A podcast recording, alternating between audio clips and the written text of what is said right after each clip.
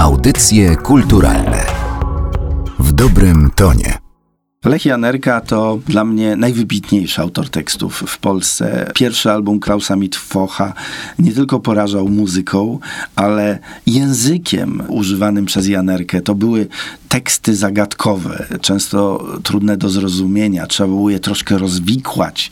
Zlepki zdaniowe, koniec jednego wersu był początkiem drugiego. Było to bardzo ciekawe, była to bardzo taka artystowska gra w słowa. Pierwszy solowy album Historia podwodna, solowy album Lecha Janarki już dał takie teksty zrozumiałe od początku do końca, a chociaż w wielu z nich była pewna historia, jak na przykład w kompozycji Ta zabawa nie jest dla dziewczynek, która opowiadała o autentycznym zdarzeniu, kiedy Lech z wózkiem, z dwoma swoimi córkami szedł w okolicach mostu grunwaldzkiego we Wrocławiu, a tam były rozruchy związane z kolejnymi manifestacjami antyrządowymi i po prostu razem wpadli w wir tych wydarzeń. Janerka nigdy nie był artystą takim, który jednoznacznie opowiadał się za kimś, po prostu indywidualista. Kiedy się zmieniła rzeczywistość, kiedy upadł komunizm e, w Polsce, przynajmniej ten oficjalny, w roku 91 pojawiła się płyta UR, czwarta solowa płyta Lecha Janerki, płyta, która troszkę przeszła bez echa wówczas. Myślę, że po pierwsze dystrybucja, e, bo wydał ją własnym sumptem, a w zasadzie sfinansował tę płytę, wydanie jej e, jego starszy brat, po prostu nie dotarła do wszystkich sklepów, a i czasy były takie gorące, a do tego na tej płycie nie ma takich ewidentnych hitów, które mogłyby zaistnieć w radiu. Natomiast na tej płycie jest jeden utwór, o którym chciałbym opowiedzieć, bo moim zdaniem jest to bardzo ważny tekst.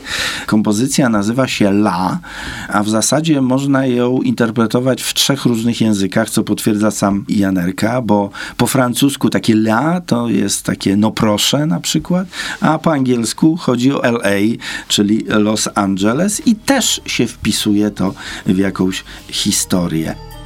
Dokładnie to nie wiem jak jest i za co będą bić w tym roku.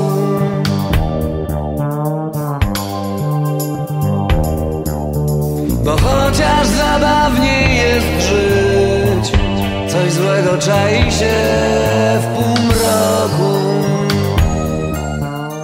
Opowiedzmy o tym, jak doszło w ogóle do nagrania płyty UR, płyty szczególnej i myślę płyty szczególnej w ogóle w historii polskiej muzyki, bo to jest płyta elektroniczna, to jest płyta stworzona w studiu, na komputerach, z samplerem, coś czego jeszcze wówczas nie było w polskiej muzyce rockowej, tej nowofalowej i żeby to pojawiło się jednocześnie na płycie. Historia dotyczy wyjazdu. Powstanie tej płyty dotyczy wyjazdu Lecha Janerki do swojego młodszego brata Andrzeja. Kiedy on był jeszcze nastolatkiem, uciekł z Polski, przebywał w Niemczech, a następnie przeniósł się do Nowego Jorku, gdzie studiował grafikę i oczywiście ciężko pracując. Wyrobił sobie nazwisko, zaczął dobrze zarabiać i cały czas chciał sprowadzić Lecha do Nowego Jorku, żeby zobaczył, żeby poczuł klimat tego, co się tam dzieje, a scena nowojorska pierwszej połowy lat 80. naprawdę była mocna, więc było z czego czerpać inspirację. Lech nie jest taką osobą, która lubi szczególnie wyjazdy te zagraniczne i ociągał się z tym wyjazdem, ale po nagraniu płyty piosenki drugiego solowego albumu okazało się, że jego żona Bożena zerwała ścięgna i nie mogą po prostu koncertować. Lechu więc pojechał do Nowego Jorku, poczuł się tam jakoś ciekawie i postanowił trochę popracować, dlatego że no, potrzebny był instrument. Odchodząc z Klausa Mitchfocha musiał oddać zawodową gitarę basową, więc postanowił zapracować na własną gitarę basową, co też i zrobił, ale praca była dość wyczerpująca, ponieważ czyścił budynki z azbestu przez jakiś czas. Mówi, że w dwa tygodnie zarobił na ten bas, który w Polsce, żeby go kupić, to trzeba było parę lat e, pracować, a później zaczął pracować w telewizji jako pomocnik i przez ten czas, a był to rok 1988, zaczął pisać teksty piosenek. Tam też powstały właśnie te utwory, e, niektóre, które znamy, ale też, kiedy powrócił do Polski, powrócił na święta sierpnia 1988 roku. Pracował nadal nad tą płytą i zaczęły się przemiany w Polsce.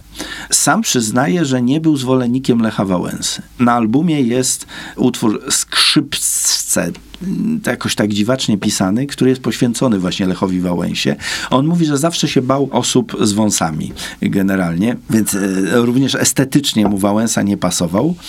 Ale nie będziemy o tym utworze mówić, tylko właśnie o kompozycji e, La, która to dopiero po latach wywołała we mnie duży rezonans, bowiem wówczas, kiedy płyta się pojawiła, tak jak większość osób, byłem w euforii. To znaczy wreszcie czerwoni panowie odeszli, wreszcie mamy wolność, wreszcie możemy robić co chcemy, mamy paszporty, no jest kapitalnie.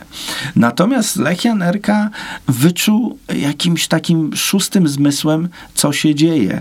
I ja myślę, że tu zacytuję ten tekst, bo to jest absolutnie ważne. Pamiętajmy, że płyta się pojawia zaraz rok po tym, jak e, nastąpiły przemiany w naszym kraju. Oto cytat. Znów chcą tobą rządzić, abyś nie zabłądził. Wszyscy tacy mądrzy, tacy pewni swego małego. W kupy się zbierają, groźne miny mają, wiwat mówią siła, a tego to nie lubię. Więc zbudź się, nim zaczniesz znowu skandować. Zbudź się, to niedobry sen. Prorocze słowa, jak gdyby mówiące o tym, co się zdarzy. O kolejnych klikach, które będą dążyć do władzy, kolejnych klikach, które będą nami manipulować. I myślę, że warto przypominać ten tekst i tę piosenkę, i tę płytę, która nosi nazwę Ur, czyli dawnego antycznego miasta, które odegrało w historii dość istotną rolę i zostało zgładzone. Na koniec jeszcze jedna ciekawostka. Okładkę do tej płyty zaprojektował właśnie Andrzej, młodszy brat Lecha Janerki, a starszy, jak już materiał został nagrany, wyłożył kasę i płyta kompaktowa została wytłoczona w Austrii, co wówczas było ewenementem i sprowadzona do polskich sklepów. Chcą tobą rządzić, żebyś nie zabłądził Skąd się tacy biorą,